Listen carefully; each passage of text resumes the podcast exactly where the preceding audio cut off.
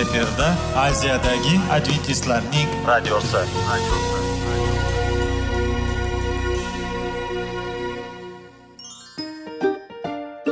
Assalomu alaykum aziz radio tinglovchilar. Sog'liq daqiqasi rubrikasiga xush kelibsiz. Zero tananing sog'lom bo'lishi va uning kasalliklardan saqlash har bir insonning burchi hisoblanadi. Inson uchun bebaho boylik bu sog'liq salomatlikdir. Uni asrash esa har birimizga omonat qilib berilgan. Shuning uchun ham inson o'z sog'lig'ini ehtiyot qilishi va ajib amallardan hisoblanadi. Dono xalqimiz sog'liq tuman boylik deb bejiz aytmagan. Aql idroq sohibi bo'lgan inson o'z hayotini qadrlashi lozim bo'ladi. Hozirgi kunda qanchalik dori darmonlar ko'paymasin tibbiy muassa sifati shifokorlar vasiyasi tibbiy texnika yaxshilanmasin. Agar insonning o'z salomatligi haqida qayg'urmasa kutilgan natijaga erishib bo'lmaydi va biz sizlarga bizning dasturimizga xush kelibsiz deymiz.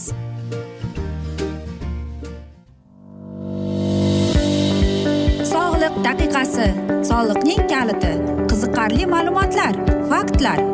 Har kuni siz uchun foydali maslahatlar. Sog'liq daqiqasi rubrikasi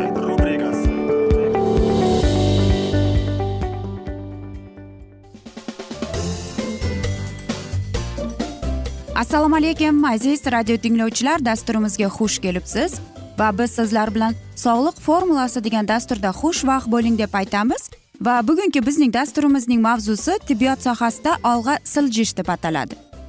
Yigirmanchi asrda tibbiyotning inson sog'lig'iga ijobiy ta'siri fiziologiyasining va xastaliklarining oqib kelishi jarayonni tushunish sababli sezilarli o'sdi.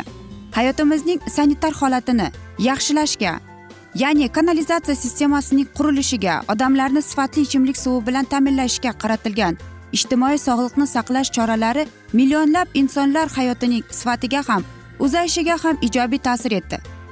Vaksinatsiya va immunizatsiyaning rivojlanishi yigirmanchi asr oxirida yuqumli xastaliklarga qarshi kurashning samarali usullari chechakni bartaraf qilishga qoqshol va bug'maning halokatli oqibatini keskin pasaytirishga imkon berdi. Qizamiq paratit qizilcha qoqshol xastaliklarining qayd qilingan miqdori to'qson foizga qisqartirildi.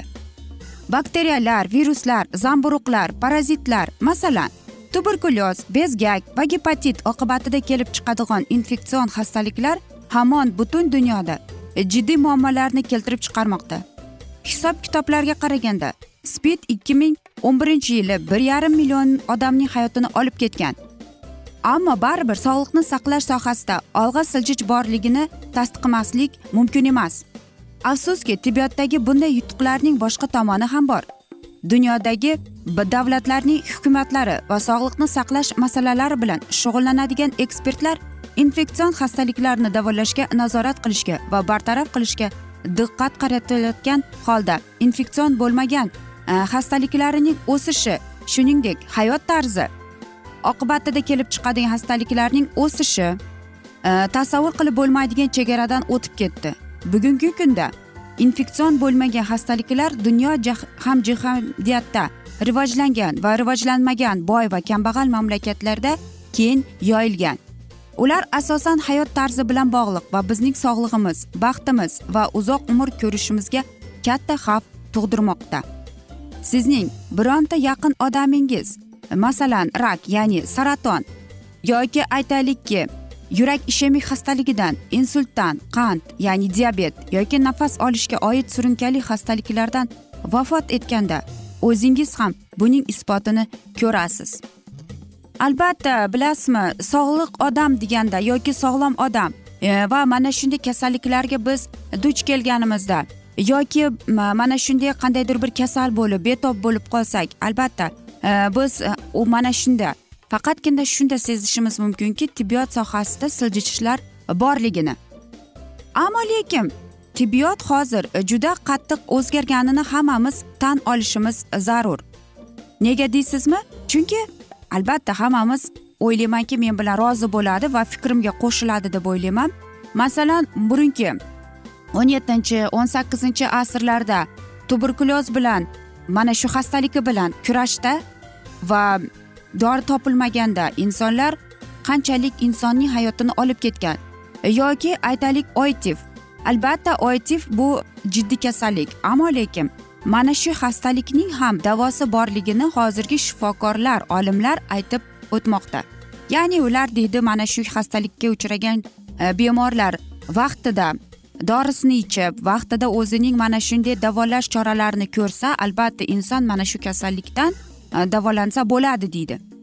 Va albatta shuni ta'kidlab o'tadiki bu hozirgi olimlar va shifokorlar inson zoti ya'ni insonlarning o'zlari sog'lom turmush tarzini olib borish kerak deydi.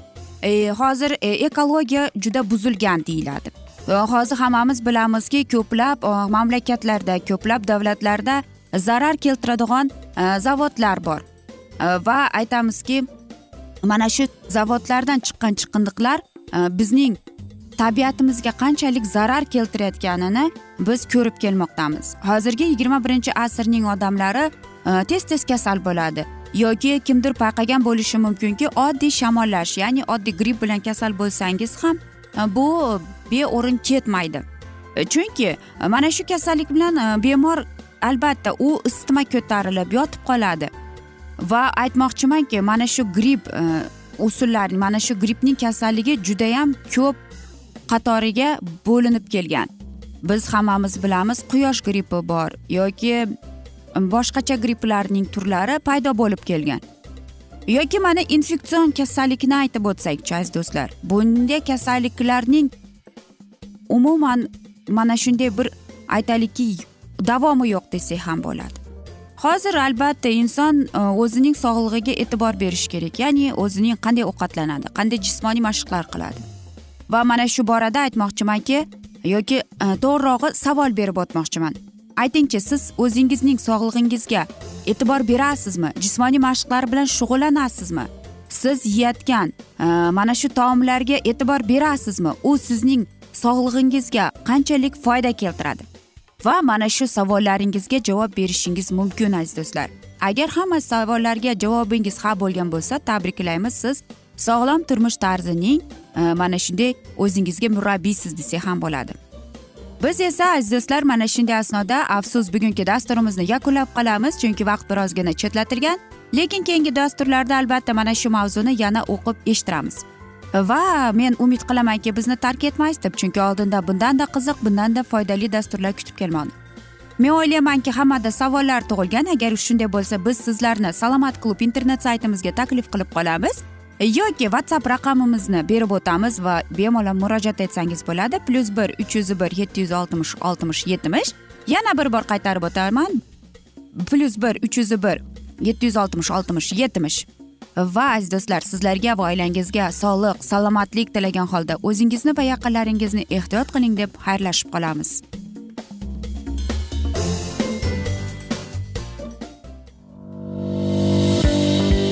Sog'liq daqiqasi soliqning kaliti qiziqarli ma'lumotlar faktlar.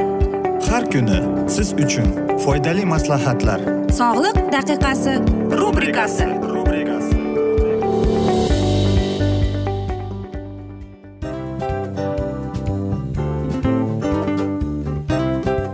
mana ha hayotda hamma narsaning yaxshi narsalar tugaydi va yakunlaydi degandek bizning dasturimizga ham yakun keldi. O'ylaymanki bizning dasturimiz sizga foydali bo'ldi deb aziz radio tinglovchimiz. Va siz o'zingiz uchun kerakli xulosalar kerakli maslahatlar olib oldingiz. Aziz radio tinglovchimiz biz bilan qoling va keyingi dasturlarimiz albatta undanda qiziqroq bo'ladi. Mana shu alfozda sizlar bilan xayrlashib qolaman.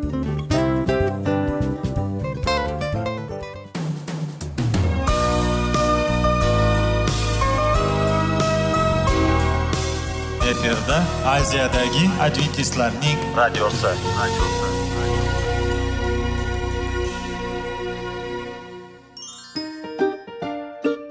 Assalomu alaykum aziz radio tinglovchilarimiz. Dil izhori dasturimizga xush kelibsiz. Pul insonni baxtli qiladimi? Albatta yo'q. Sog'liqchi? Albatta bo'lishi mumkindir. Lekin olimlar shuni isbotlashdiki to'liq va mukammal munosabatlar insonlarni baxtli qilar ekan. Albatta biz hayot davomida biz yaqin insonlar bilan odamlar bilan aloqada bo'lamiz va ular bilan munosabatlarimiz qanday kechadi qanday tuziladi? Yigit va qiz er va xotin ota ona va farzandlar va yaqin insonlar bilan. Balkim hozirgi vaqtda kimnidir hayoti yoki munosabatlari buzilyapti. Va bizning dasturlarimiz ularga yordam bo'ladi deb.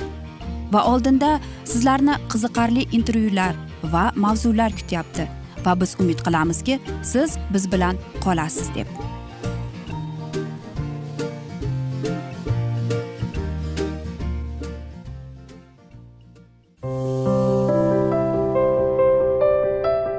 Har kuni har xil kasbdagi odamlar bilan sirlashish va bo'lishish sevgi rashq munosabat. Bularni hammasi dil izhori rubrikasida.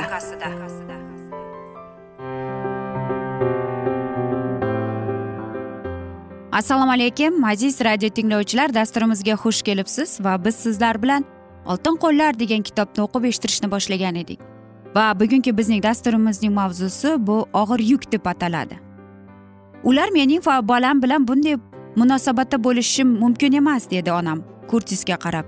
Ha albatta kurtis e, qog'ozda nima yozilgani haqida o'qimoqchi bo'ldi. Va men so'radim ona nima qilmoqchisiz o'zi? deb. Va bilasizmi meni xayolimga ham kelmas edi qanday qilib bu narsa mening hayotimni o'zgartiradi deb. Men hozir shu maktabga boramanda hamma narsani joy joyiga qo'yaman deydi. Va meni uning ovozining ohangidan tushundimki u xuddi shunday qiladi deb. Kurtis maktabni tamomlayotgan edi va e, maktabning e, majlisi uni texnik uchilishiga jo'natishga qaror qilishibdi. Albatta chunki mening ukamning o'qishi pastroq edi. Shuning uchun ham mening ukam maktabda o'qir edi u maktabda ko'proq amerikaliklar bor edi deydi. Va albatta onam shubhalanar edi. Qanday qilib e, mana shu Э, oddiy majlis maktab majlisi mening bolamni texnik uchilishchasiga joylashtirishadi deb. Albatta men u uchrashuvda bo'lmadim ammo lekin yaxshi yodlab qolganman kechqurun onam aytib berganini. Xullas karom men mana shu majlisda o'tirgan odamlarga aytdim. Mening o'g'lim kurtis kollejga boradi men xohlamayman texnik uchilishiga borishini. Va albatta u qo'lini kurtisning boshiga qo'yib aytdi. Kurtis endi sen tayyorgarlik mm, bo'linmasiga kollejiga kirishing kerak deb. Albatta bilasizmi bu hikoya onamning e, mana shu bo'lgan kuchini quvvatini ya'ni hayotga bo'lgan ishtiqohi haqidagi. Mening onam u aytaylikki mana shunday onalardan emas edi oddiygina hayotning qiyinchiligiga bo'ysunib ketadigan. Mening onam juda yoqimli ayol edi. Albatta bo'yi uncha uzun emas. Ammo lekin judayam harakatchan edi. Lekin uning uni artrit va yuragida og'riqlar bezovta qilsa ham u tez tez harakat qilar edi. Sonya karson mening onam mehnatsevar har bir vaziyatda u o'zidagi e, mana shu bir mo'ljalni qo'ydimi demak shunga yetishadi. Hech qachon u birovlardan bir narsani talab qilmas edi lekin o'zidan shu narsalarni talab qilar edi. U kuchli bo'lishi kerak bolalari uchun ikkita o'g'li uchun. Doimo eslayman onamning ibodatini. Bilasanmi xudoyim menga yordam bergin menga kuch quvvat bergin bolalarimni oyoqqa turg'izaydi. Va shundan keyin onam menga aytar edi sen omadsizlikka tug'ilmagansan beyni deb. Sen hamma narsani qila olasan. Xudodan so'ra va xudo senga beradi deb aytar edi. E, biz o'smir bo'lganimizda bilasizmi biz doimo ham xursand bo'lmas edik uning darslariga yoki uning maslahatlariga. Biz qanchalik qaysarlik qilmaylik lekin onam hech ham bizning aytganimizga ko'nmas edi. Albatta bilasizmi yillar o'tdi. Biz onamning so'zi bilan ilhomlanib kurtis ikkalamiz nahot ishondik. Ha biz onamning orzu qilgan farzandlari bo'ldik. U yana ikkinchi bor turmushga chiqdi. Lekin u baxtli edi. Bilasizmi mening otamga turmushga chiqayotganda unda hech narsasi yo'q edi. Uchinchi sinfni tamomlagan qiz xolos. Lekin ular birinchi uyni olishdi. Va bilasizmi men o'ylaymanki faqatgina onamning kuchiga qudratiga yarasha ular mana shunday yaxshi to'kin sochin hayot kechirib keldi. Otam esa bo'yi uzun chiroyli kelishgan yigit edi. Va u doimo menga aytardi erkak kishi doimo shunday ko'rinishi kerak beyni deb. Xo'sh. Aytardiki yana doimo boshqalarga yaxshi munosabatda bo'lgin deb. Agar odamlar deydi senga qanday munosabatda bo'lishni istasang sen ham shunday munosabatda bo'lgin deb. Men ko'p so'zlarni eslayman. Va albatta otam yaxshi inson edi. Lekin afsus mana shunday xatoliklarga ham yo'l qo'yar ekan. Bilasizmi otam va onamning e, oilasi juda katta edi. Onamning oilasida yigirma uchta aka va uka opa singillar bor edi. Otamda esa o'n uchta. Ular uylanganida onam otam yigirma sakkiz yashar onam esa o'n uch yashar qiz edi. Albatta keyinchalik u tan oldi. Bu turmushga chiqishim uydan qochish e, mana shunday umidi bo'lgan ekan. Va oxir oqibat hammamiz qanday hikoya bilan tugaganini bilamiz. Lekin bilasizmi mening otam eng yaxshi inson bo'lgan nima bo'lgan chog'ida ham. Hozir otam albatta mm, bizni bilan yashamasa ham biz bilan unchalik aloqa qilmasa ham e, lekin ota baribir ota bo'lib qolaverar ekan. Lekin men o'zimning onam bilan faxrlanaman deb aytishim mumkin. Qanchalik men umidlarim orzularim bor edi va hammasini ro'yobga chiqdi. Faqatgina onamga onamning mehnati onamning tirishqoqligi evaziga. Va men bu narsadan onamdan minnatdorman. Aziz do'stlar mana shunday so'zlar bilan ben karson bugungi hikoyasini yakunlab qoladi. Ammo lekin keyingi dasturlarda albatta biz sizlar bilan yana davom ettiramiz. Va o'ylaymanki hammada savollar tug'ilgan. Agar shunday bo'lsa biz sizlarni mana shu whatsapp orqali suhbat qilishimiz mumkin. Faqat e, raqamini yodda qoling yoki birorta joyga yozib oling. Plyus bir uch yuz bir yetti yuz oltmish oltmish yetmish. Plyus bir uch yuz bir yetti yuz oltmish oltmish yetmish aziz do'stlar. Va men umid qilamanki bizni tark etmaysiz deb chunki oldinda bundanda qiziq bundanda foydali dasturlar kutib kelmoqda sizlarni. Aziz do'stlar biz sizlarga oilangizga tinchlik totuvlik tilab o'zingizni va yaqinlaringizni ehtiyot qiling deb va albatta xayrlashib qolamiz.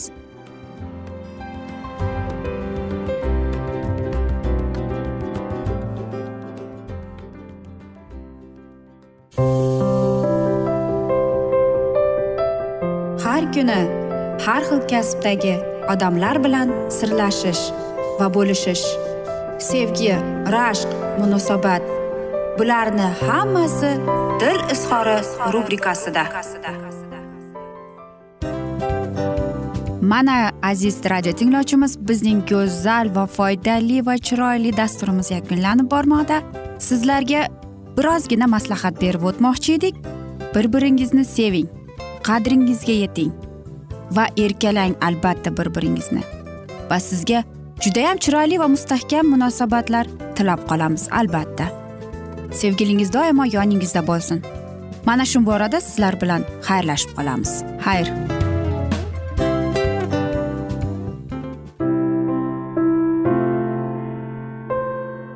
Hayotning noni. Qiziqtirgan savollar va javoblar. Buning hammasi ko'ngil uchun oziqa rubrikasida.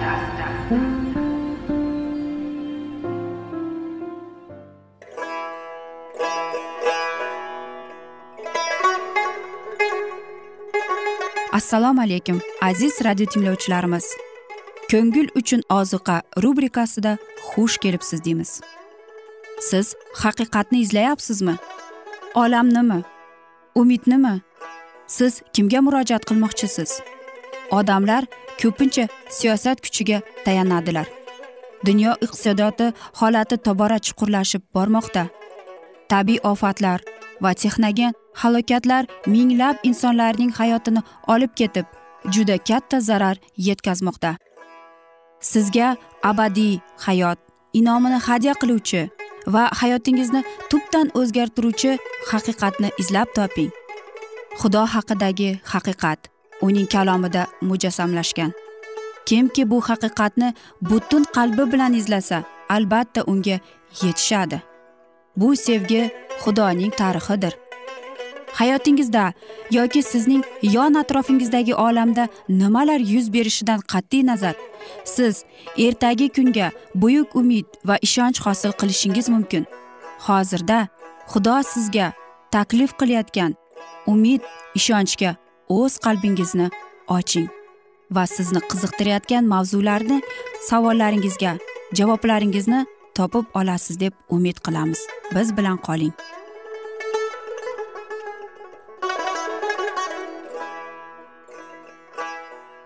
Assalomu alaykum aziz radio tinglovchilar. Dasturimizga xush kelibsiz. Va biz sizlar bilan ulug' otalar va payg'ambarlar degan dasturda xushvaqt bo'ling deb aytamiz. Va bugungi bizning dasturimizning mavzusi sinay tog'ida qadeshka deb ataladi. Va biz sizlar bilan o'tgan galgi mavzuni bugun yana davom ettiramiz. Isroilning musofirlik hayot kunlarida parvardigori olam o'zi ularni boshqargan. Bulutli ustun manzil qurish uchun eng yaxshi joyni ko'rsatib borgan va ular oromda qolganlaricha ustun ham chodir ham ustida qolavergan. Yo'llarini davom etadigan vaqt kelganida esa bulutli ustun muqaddas chodir ustidan balandlikka ko'tarilgan. Har bir to'xtash yoki yo'lga chiqish kerak bo'lganida tantanali sado yangragan ahd sandig'i yo'lga ko'tarilganida muso ko'tarilgan xudovand va sening dushmanlaring sochiladi va sendan nafratlanganlar sening yuz o'ngingdan qochadilar deyardi. Qachonki sandiq to'xtaganida u qaytgin yo xudovand isroilliklarning minglab miniga derdi sinay va qanon chegarasida joylashgan qadesh aro faqat o'n bir e, kunlik yo'l edi. Tezroq nazir atalgan yerga kirish orzusida yongan yuraklar bulut orqali berilgan alomatga binoan nihoyat yo'lga chiqdilar. Ularni misrdan chiqarganida azaldan bo'lgan hech kim hech qachon ko'rmagan ajoyib botlarni ko'rsatdi. Endi esa uni o'zlarining hokimi sifatida tan olganlarida va o'zlari ham parvardigori olamining xalqi deb atalganlarida ular yanada kattaroq inoyatlar bo'lishini ko'taradilar. Shunda ham ko'plari o'rganib qolgan joyini xohishsiz qoldirardi. Istiqomat joy topgan joyni vatanimiz deb tan olishga tayyor edilar. Tangri taolo o'z qonunini yahudiylarga e'lon etish uchun ularni boshqa xalqlardan ayriydi va o'tib bo'lmaydigan oyoq bosmagan qoyali tog'lar aro joylashardi. Ular muqaddas toqqa qarashishni sevadilar. Uning oppoq tepalarida va qoyalarida ilohiy ulug'vorlik tez tez ochilib turardi. Ularning ongida bu joy shunchalik xudoning va farishtalarning hozirligi bilan bog'langan ediki va shu qadar muqaddas ko'rinardiki uni o'ylamay ayniqsa shodlik bilan qoldirib ketishlari imkonsiz tuyulardi. Ammo karnay ovozni eshitish zahoti bilan manzil yo'lga ravona bo'ldi. Markazda chodirni olib borishardi va har bir qavm belgilangan tartibda o'z bayrog'i ketidan harakat qilardi. Qaysi tomonga bulut olib borar ekan deb hamma chidamsiz nazar solishardi va u sharqda tanholikda zulmatli yalang'och toshli tepaliklarga yo'lni ko'rsatganida ko'plar qayg'u va shubhaga tushdilar. Olg'a siljigan sari qadam qo'yishi og'irlashar edi. Ularning yo'li toshli g'orlar va samarasiz cho'llardan o'tardi. Atrofga nazar solganlarida sahro bo'sh hech kim yashamaydigan yer hech kim oyoq bosmagan yer o'lim soyasi tushgan yer ma'yuslik tug'dirar edi. Toshli qoyalar aro katta olomonning siljishi ular ketin yirik va mayda chorvaning uzoqqa cho'zilgan podalari ular olg'a qiyinchilik ila asta sekin harakat qilardilar. Uzoq vaqt bir joyda harakatsiz yashagan xalq xavfli sayohatni va yo'lning o'ng'aysizligi boshdan kechirishga tayyor emas edi. Uchinchi kunda birinchi oh nolalar eshitila boshladi. Ular isroil xalqiga qo'shilib chiqqan yo'lchilardan chiqardi. Yahudiylar ishtiyoqini to'la tushunmay ular yo'l bo'yi norozilik bildirishga sabab topib turardilar. Muso o'z xohishi bilan emas u bulutli ustun orqasidan xalqni yetaklaganini ular yaxshi bilardi. Ammo shuni unutganday norozi bo'lardi. Tezda mana shu yuqumli hislat butun manzilga tarqaldi. Odamlar qaytgandan go'sht talab qila boshlaydilar. Mana yetarli bo'lganiga qaramay norozilik tinmas edi.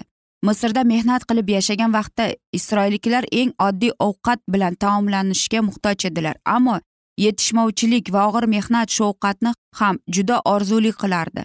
Ularning ichida bo'lgan misrliklar yaxshi mo'llik taomlashga o'rganib endi birinchi bo'lib nihoyat e, shikoyat qila boshlaydilar. Xalq sinayga yetish oldidan ular mannaga qoniqmay shikoyat qilganlarida xudovand bir marta ularni go'sht bilan to'ydirgan edi. Albatta xudo osongina mana manna yog'dirganday ularni go'sht ila qondira olardi lekin ularning foydasini nazarda tutib shuni qilmadi. Ko'plab misrda ishtahani qo'zg'atadigan ovqatga o'rgandilar. U esa ularni zararli taomdan e, rizoyat qilib loyiq taom bilan qondirishga talab qilardi. Buyuk nafsni sog'lom ishtahaga almashtirish kerak edi. Eng azaldan inson uchun yer mas'uli berilgan. Uni xudovand adan bog'ida odam ato va momo havoga bergandi.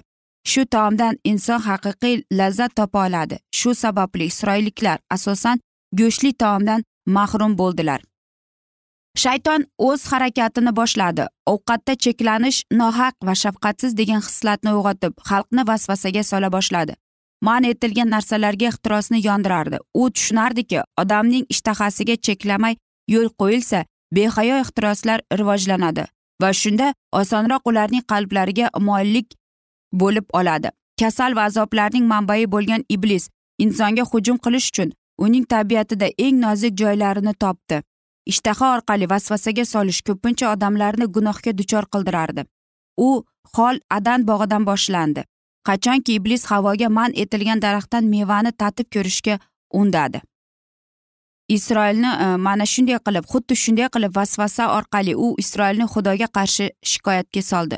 Ovqat va ichimlikka Э, riyozatsizlik odatda behayo ehtiroslarni uyg'ondirib odamlarda ma'naviy burch to'g'risida har qanday tushunchani yo'qotishga olib keldi. Vasvasaga tamoman tushib ular qarshi turish kuchdan ajraldilar. Aziz do'stlar mana shunday asnoda esa biz bugungi dasturimizni afsuski yakunlab qolamiz chunki vaqt birozgina chetlatilgan. Lekin keyingi dasturlarda albatta mana shu mavzuni yana o'qib eshittiramiz. Yoki sizlar bilan whatsapp orqali davom ettirishimiz mumkin. Plyus bir uch yuz bir yetti yuz oltmish oltmish yetmish bizning whatsapp raqamimiz. Umid qilaman bizni tark etmaysiz deb chunki oldinda bundanda qiziq bundanda foydali dasturlar kutib kelmoqda. Va biz sizlar bilan xayrlashar ekanmiz. O'zingizni va yaqinlaringizni ehtiyot qiling deb omon qoling deymiz.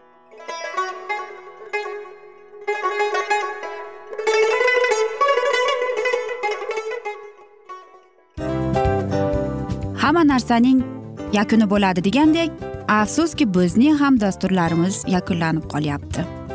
Va biz o'ylaymizki bizning dasturimizdan o'zingiz uchun kerakli va foydali maslahatlar olib oldingiz. Sog'liq borasida sizga foydali maslahat berganmiz deb umid qilaman albatta. Va sizlarga mana shu borada sog'liq tilab qolaman. Munosabatlarga kelganda esa sizlarga sevgi omad va albatta yaxshi munosabatlar tilab qolamiz. Uchinchisiga kelganda esa bu juda chuqur va e'tiborli nazarni qumsaydi. Va sizlarga mana shu yaxshilik kayfiyatda sizni kayfiyatingizni ko'targan holda sizlar bilan xayrlashib qolaman afsuski. Ammo lekin keyingi dasturlarimiz undanda qiziq bo'ladi. Va siz biz bilan bo'ling bizni tanlaganingiz uchun sizlarga rahmat. Omad sizlarga xayr.